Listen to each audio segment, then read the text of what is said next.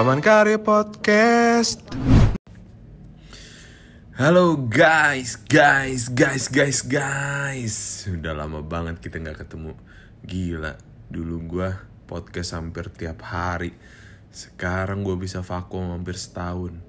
Buset. Gimana kabar kalian? Pasti kangen banget kan denger suara gue di podcast ini. Ya iyalah semua orang nanyain Kapan Kadim season 2 nya Kapan sih Paman Karyo podcastan lagi?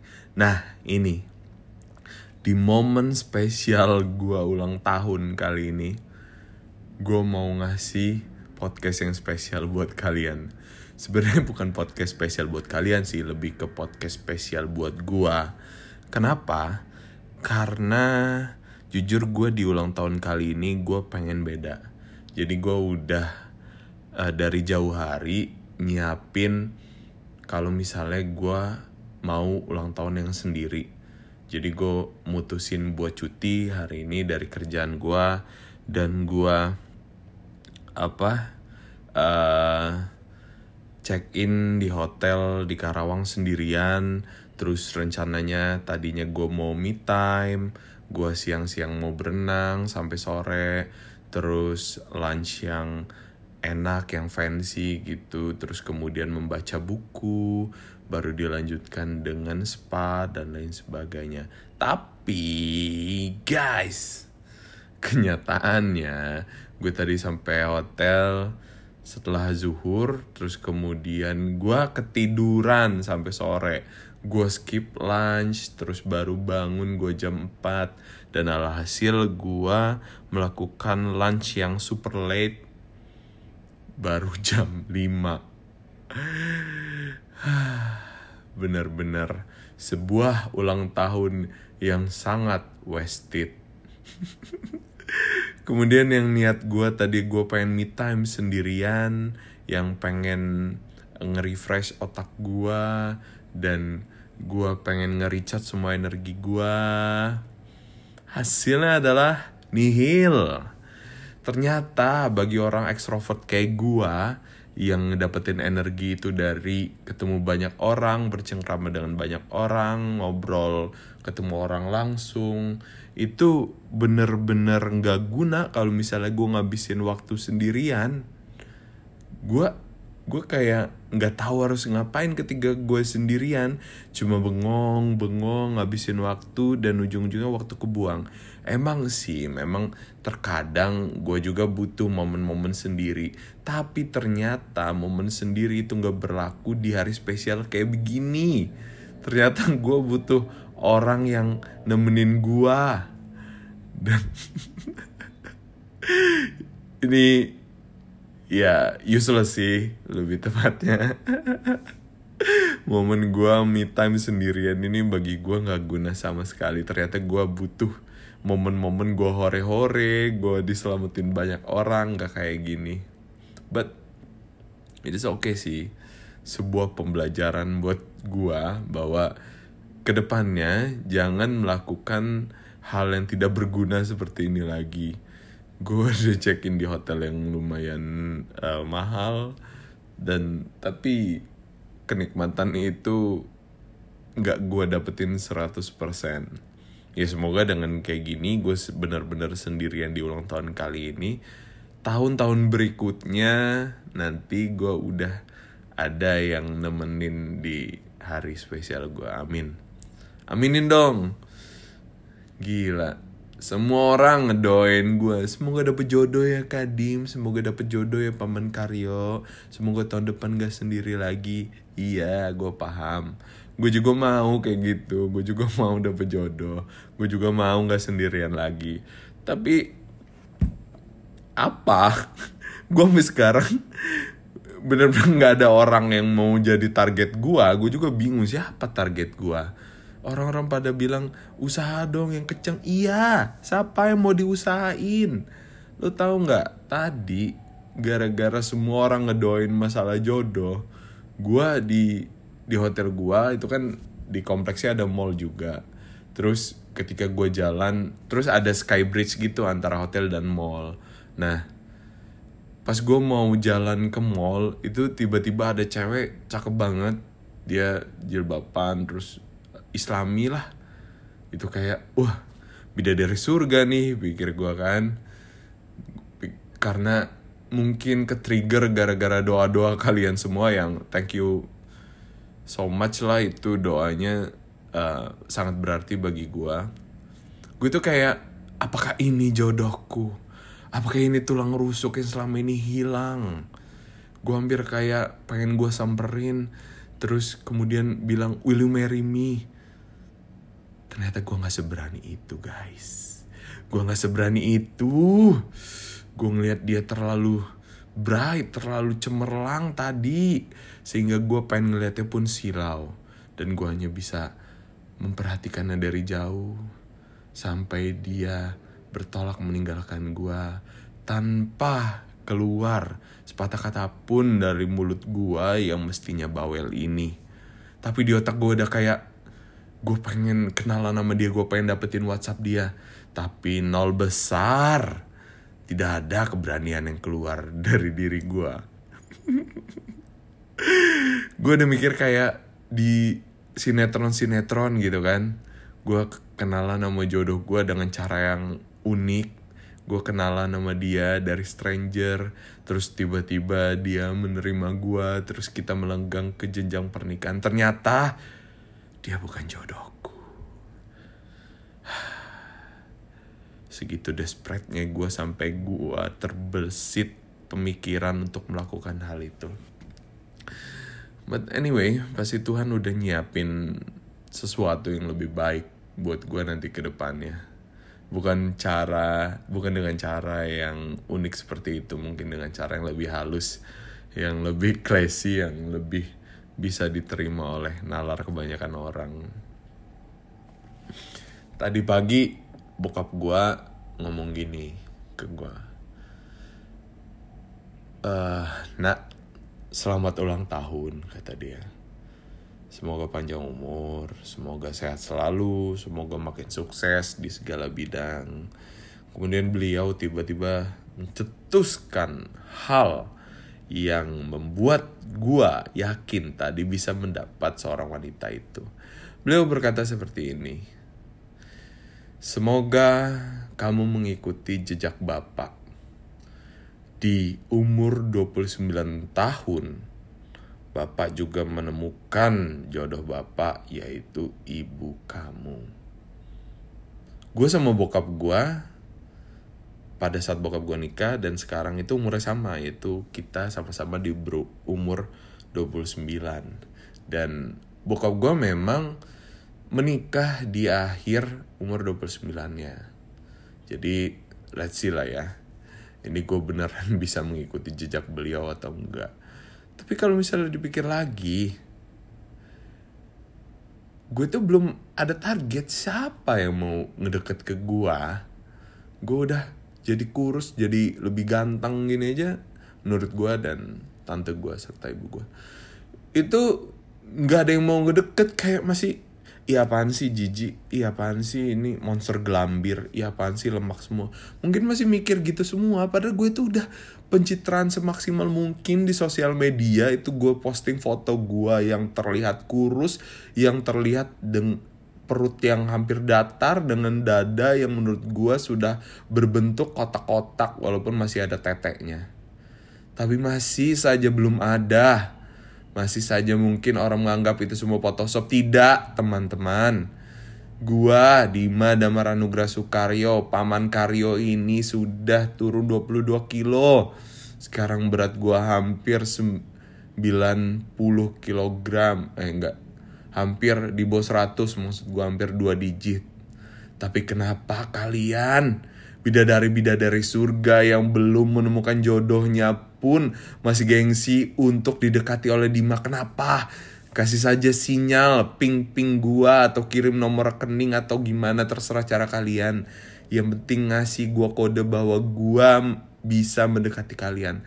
Tapi kenapa kalian masih munafik? Masih menutup-nutup perasaan kalian. Kenapa? Apa kalian so cantik? Kalian mengharapkan seorang pangeran yang lahir dari transformasi katak seorang pangeran yang memiliki rumah di Pondok Indah. Tidak. Tidak.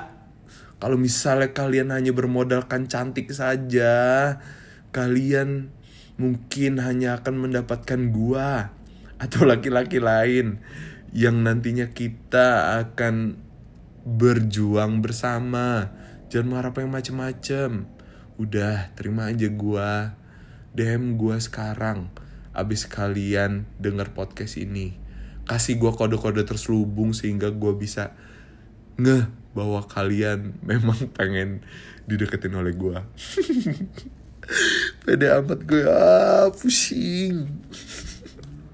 Anjir, kalau misalnya gue ngebanding-bandingin dengan orang, capaian orang. Oke lah kalau misalnya masalah kerjaan gue masih ya ya pekerjaan gue sekarang gue bisa gue bisa bilang sangat cukup bagi gue tapi kalau misalnya masalah jodoh gue adalah seorang yang punya nilai nol besar ketika teman-teman gue ketika semua orang di sosial media itu memamerkan hasil buah hatinya yang sangat cantik, yang sangat imut, yang sangat lucu. Sedangkan gua masih joget Aldi Taher. Bayangin, kontrasnya kehidupan. Mereka sedang fokus untuk membeli susu, menyiapkan makanan-makanan empasi, kemudian memilih popok-popok lucu. Gua malah masih memposting joget Aldi Taher di Cirebon. Sangat kontras. Sangat kontras. Mungkin lulur-lulur gua akan malu. Merasa memiliki keturunan gagal. ya, tapi kalau dipikir ya semua orang ada jalannya sih. Iya tapi nggak gitu juga bos. Ada jalannya, ada jalannya. Tapi yang mbok tunjukin ke gua jalan gue itu bakalan gimana. Ini mapping jalannya aja gua nggak tahu mau ke arah mana. 29 tahun diisi dengan 10 menit yang habis dengan omelan gua sendiri. tapi iya itu itu keresahan gue sekarang. Gue dari awal podcast gue keresahan gue masalah jodoh. Sekarang setahun kemudian keresahan gue masalah jodoh lagi. Tuh kayak hidup gue nggak ada progres berarti guys di sektor ini. Mohonlah tolonglah wanita-wanita yang memang cantik. Tunjukkan care kalian kemanaku Jangan tunjukkan gengsi kalian terus. Sudahlah. Bukan waktunya lagi kalian menunjukkan kesuperioritasan diri kalian, kecantikan kalian. Sudah. Sudah. Aku sudah berada di track yang menuju sangat tampan. Tolonglah. Tolonglah beri aku waktu beberapa bulan. Nanti kita menikah dan akan memakai jas yang sangat bagus bagi diriku. Tolonglah. Podcast ini dipersembahkan oleh rasa resah dan tidak tahu malu akan keputusasaan cinta. Aduh. Gue tadi pas bokap gue nelpon begitu pengen gue sanggah nanti gue masuk neraka ya udah gue pura-pura ngaminin aja. Gue pura-pura mikir bapak kamu tidak mengerti apa yang hamba rasakan bapak. Kamu tidak paham mengenai keresahan anakmu. Bapak di manakah nuranimu berkata seperti itu? Aku paham kamu memang sudah butuh cucu, tapi kamu juga harus paham bahwa anakmu belum menemukan siapa calon ibu.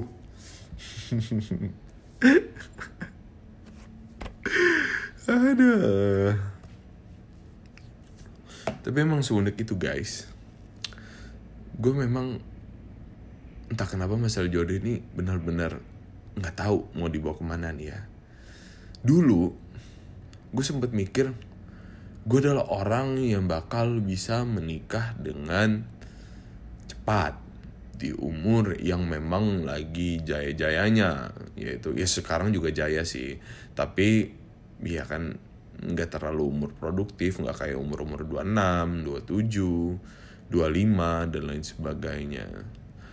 Dan malahan teman-teman yang menurut gua bakalan susah dapet jodoh. Sekarang sudah bahagia dengan rumah tangga masing-masing. Dari situ gue mikir bahwa oh memang masalah jodoh itu seunik itu. Makanya Tuhan itu membuat suatu rumusan yang menyatakan bahwa maut, rejeki, jodoh itu hanya dia, hanya beliau yang tahu. Itu sesuatu yang benar-benar surprise, sesuatu yang hamba-hamba yang hanya berlagak pintar sebenarnya tidak tahu apa-apa. Ini tidak tahu junjungannya itu bakal dibawa ke mana. Dan memang benar. Bener ada temen gue yang ketemu jodoh cuma gara-gara dia ngechat apa namanya stranger. Ada. Ada yang dia dapat jodoh dari aplikasi-aplikasi pertemanan aplikasi-aplikasi perjodohan itu ada ada yang memang udah pacaran bertahun-tahun yang memang semua orang juga bakalan tahu mereka bakal menikah. Ada. Ada yang bahkan sudah bertahun-tahun bersama kemudian putus dan menemukan apa? teman baru, menemukan soulmate baru dan bahkan menjadi pasangan itu ada. Memang kita nggak bakalan tahu kita nggak bakalan tahu. Gue juga bakalan nggak bakalan tahu skenario nya itu bakal gimana bagi diri gue tapi sekali lagi mohon berilah petunjuk ini. Iya dikasih jalan aja. Kemarin gue nemuin seorang yang benar-benar klik kayak ngomong-ngomong gue enak gue cerita ke dia. Bahkan gue bisa ceritain tentang keluarga gue sendiri baik itu hitam maupun putihnya gue bisa cerita segala hal sama dia. Gue bener-bener nyaman ngomong sama dia. Ternyata sekarang ya hilang begitu aja.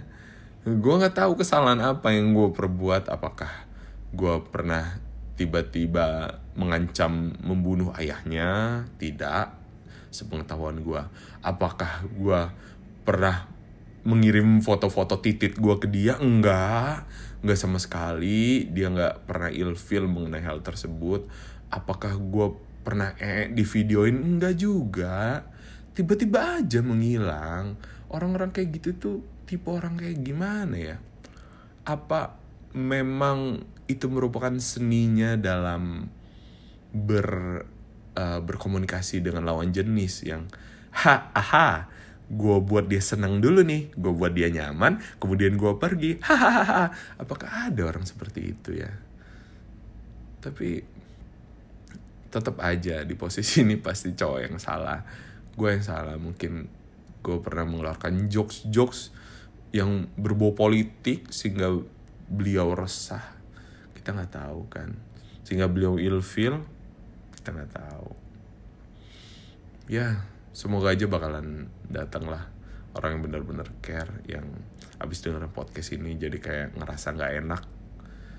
Jadi mau uh, oh yaudah gue chat aja Dima daripada kasihan dia. Karena guys asal lo tahu di samping gue udah ada baygon udah ada cutter udah ada tusuk gigi untuk nusuk nadi. Nggak deh. Bercanda gue nggak sedesperate itu gue masih sehat gue masih fine fine aja gue masih bisa joget Aldi Taher tapi kayaknya hal-hal kayak gitu bakalan gue kurangin karena tidak layak saja sepertinya. Itu tidak cocok bagi seorang pria berumur 29 tahun untuk melakukan joget-joget seperti itu. Menghasilkan uang pun tidak menimbulkan rasa malu malahan ia.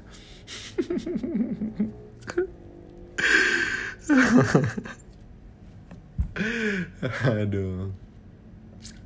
Tapi bener guys, bagi lagi soal yang uh, menyendiri tadi, gue nggak cocok banget.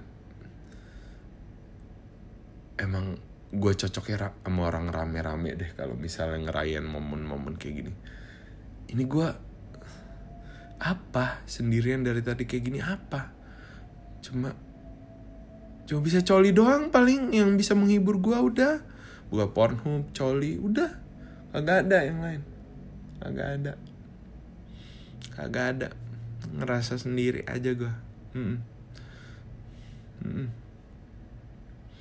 nggak ada yang ya emang sih semalam gue surprise banget. Itu eh, teman-teman kosan gue eh, yang selalu ada buat gue ngasih gue kue ke kamar ngasih surprise gitu. Tapi itu tengah malam. Gue pengen ngobrol lebih jauh dengan mereka pun mengganggu mereka sedangkan mereka hari ini bekerja. Gitu. Jadi ya mau ngobrol mau uh, sharing mau tukar pikiran tentang hari spesial gue gue nggak enak hati sendiri gitu. Gue berharap sih ada yang ngetok kamar gue terus ngasih kue ke gue gitu. Nanya Geraldine Pevita Pierce berdua dia buat grup WA berdua. Terus untuk patungan beli kue buat gue tapi ternyata sampai sekarang nggak ada ya. Kita tunggu aja sampai tengah malam nanti apakah mereka datang. Karena gue deket banget ya guys sama hanya Geraldine dan Pevita Pierce asal lo tahu. Kita tuh soy pentol banget. Ya kita mabok bareng kita sabu bareng. Mabok itu makan boklam sabu itu sarapan bubur jangan mikir macem-macem. Nah di umur 29 ini itu benar-benar umur yang sangat spesial bagi gua. Karena satu tahun lagi masa gua hanya satu tahun lagi sebelum gue menginjak kepala tiga. Sebelum gue memasuki fase yang lebih baru dalam kehidupan gue jadi gue sih jujur sebelum kepala tiga gue pengen meraih semua uh, mimpi-mimpi gue gue pengen mendapatkan pekerjaan yang lebih baik. Gue pengen mendapatkan rezeki yang lebih baik karena jujur gue pengen banget ngebantu ngebantu banyak orang. Gue pengen banget uh, mensejahterakan banyak orang. Gue ketika ngeliat orang-orang yang apa namanya uh, butuh bantuan itu gue bisa tiba-tiba nangis walaupun gue cowok walaupun gue brewokan badan gue segede apa ini yang tentunya sekarang udah kurus. Aha itu gue bisa bener-bener nangis.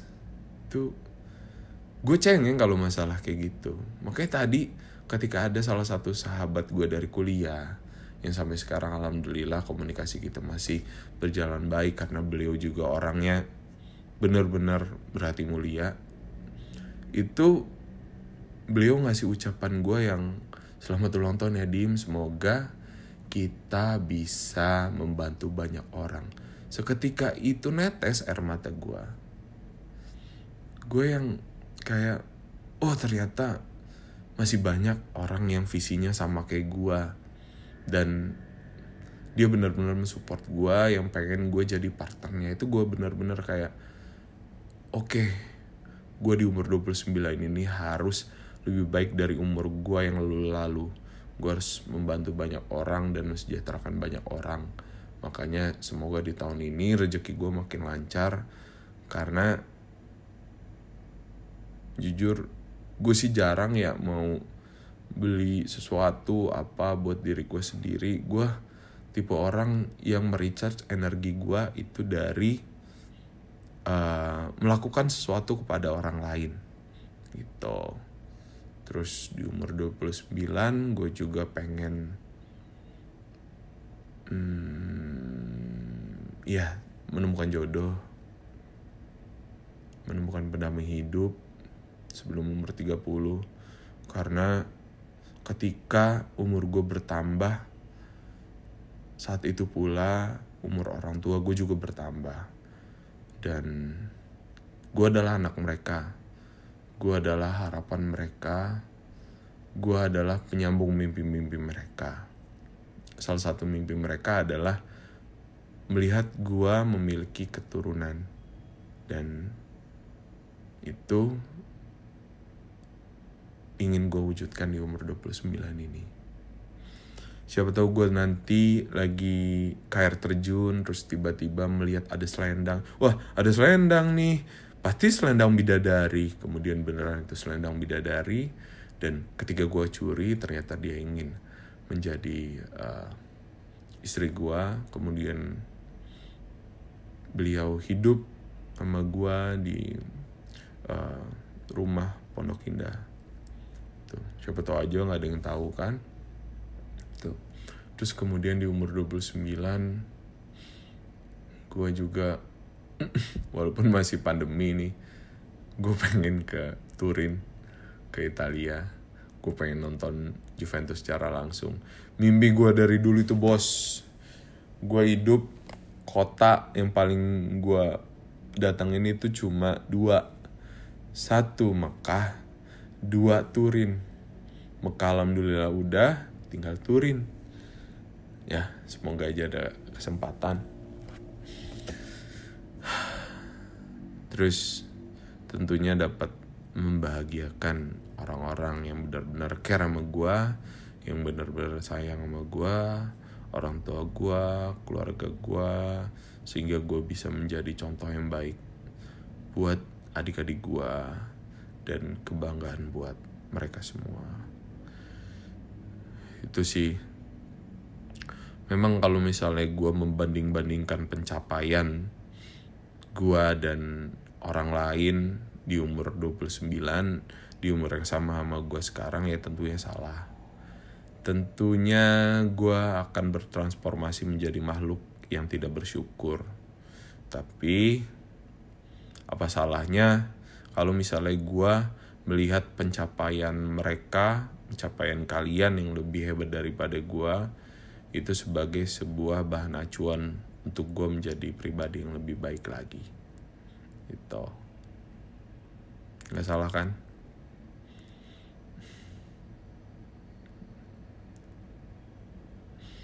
Pengen sih melihat orang nikah gitu. Punya anak anaknya lucu-lucu merah pipinya terus dengan istri-istri yang cantik di samping. Gue juga pengen. Makanya doain biar gue juga bisa seperti kalian. Ya itu aja podcast kali ini. Podcast edisi spesial selamat ulang tahun. Kok selamat edisi selamat podcast spesial edisi ulang tahun dari paman Karyo. Terima kasih buat kalian yang udah ingat di ulang tahun gue kali ini. Yang selalu ingat 2 Juni sebagai hari gue pokoknya inget gue inget Pancasila dah setelah Pancasila lahir nah abis itu gue lahir. Makanya gue anaknya Pancasilais banget. Pokoknya mah gue mah keadilan sosial lah bagi seluruh rakyat Indonesia. Yang paling penting. Harusnya gue masuk jajarannya Ibu Megawati Soekarno Putri itu jadi apa namanya uh, badan yang mengawasin Pancasila itu lumayan loh gajinya gede ngawasin Pancasila. Padahal Pancasila mendiam diam baik nggak usah diawasin juga nggak bakal terbang. Waduh. Podcast yang merepet ke arah politik. Podcast ini disponsori oleh Rocky Gerung. Ya terima kasih sekali lagi buat kalian yang udah ingat, yang udah ngucapin, yang udah ngasih doa ke gua.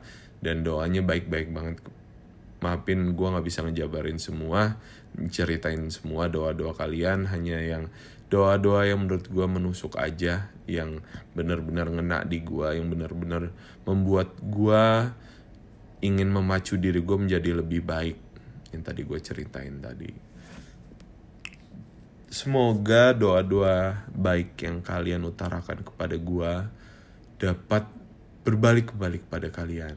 Semoga doa tersebut menjadikan refleksi yang sempurna bagi kehidupan kalian kelak. Jadi ketika kalian doain gue baik, maka kehidupan kalian juga akan jadi baik, bahkan lebih baik. Namun ketika kalian mengucapkan selamat ulang tahun kepada guanya dengan menganjing-anjing gua, dengan menai-nai gua, dengan mempeler-peler gua, semoga kehidupan kalian akan menjadi anjing, akan menjadi tai, akan menjadi peler. Demikian podcast kali ini. Oh ya, doain gua biar bisa terus tag podcast. Ini gua udah dapet semangatnya lagi. Thank you buat 2 Juni sehingga podcast ini bisa lahir. Bye bye. See you. Sampai ketemu lagi di episode selanjutnya.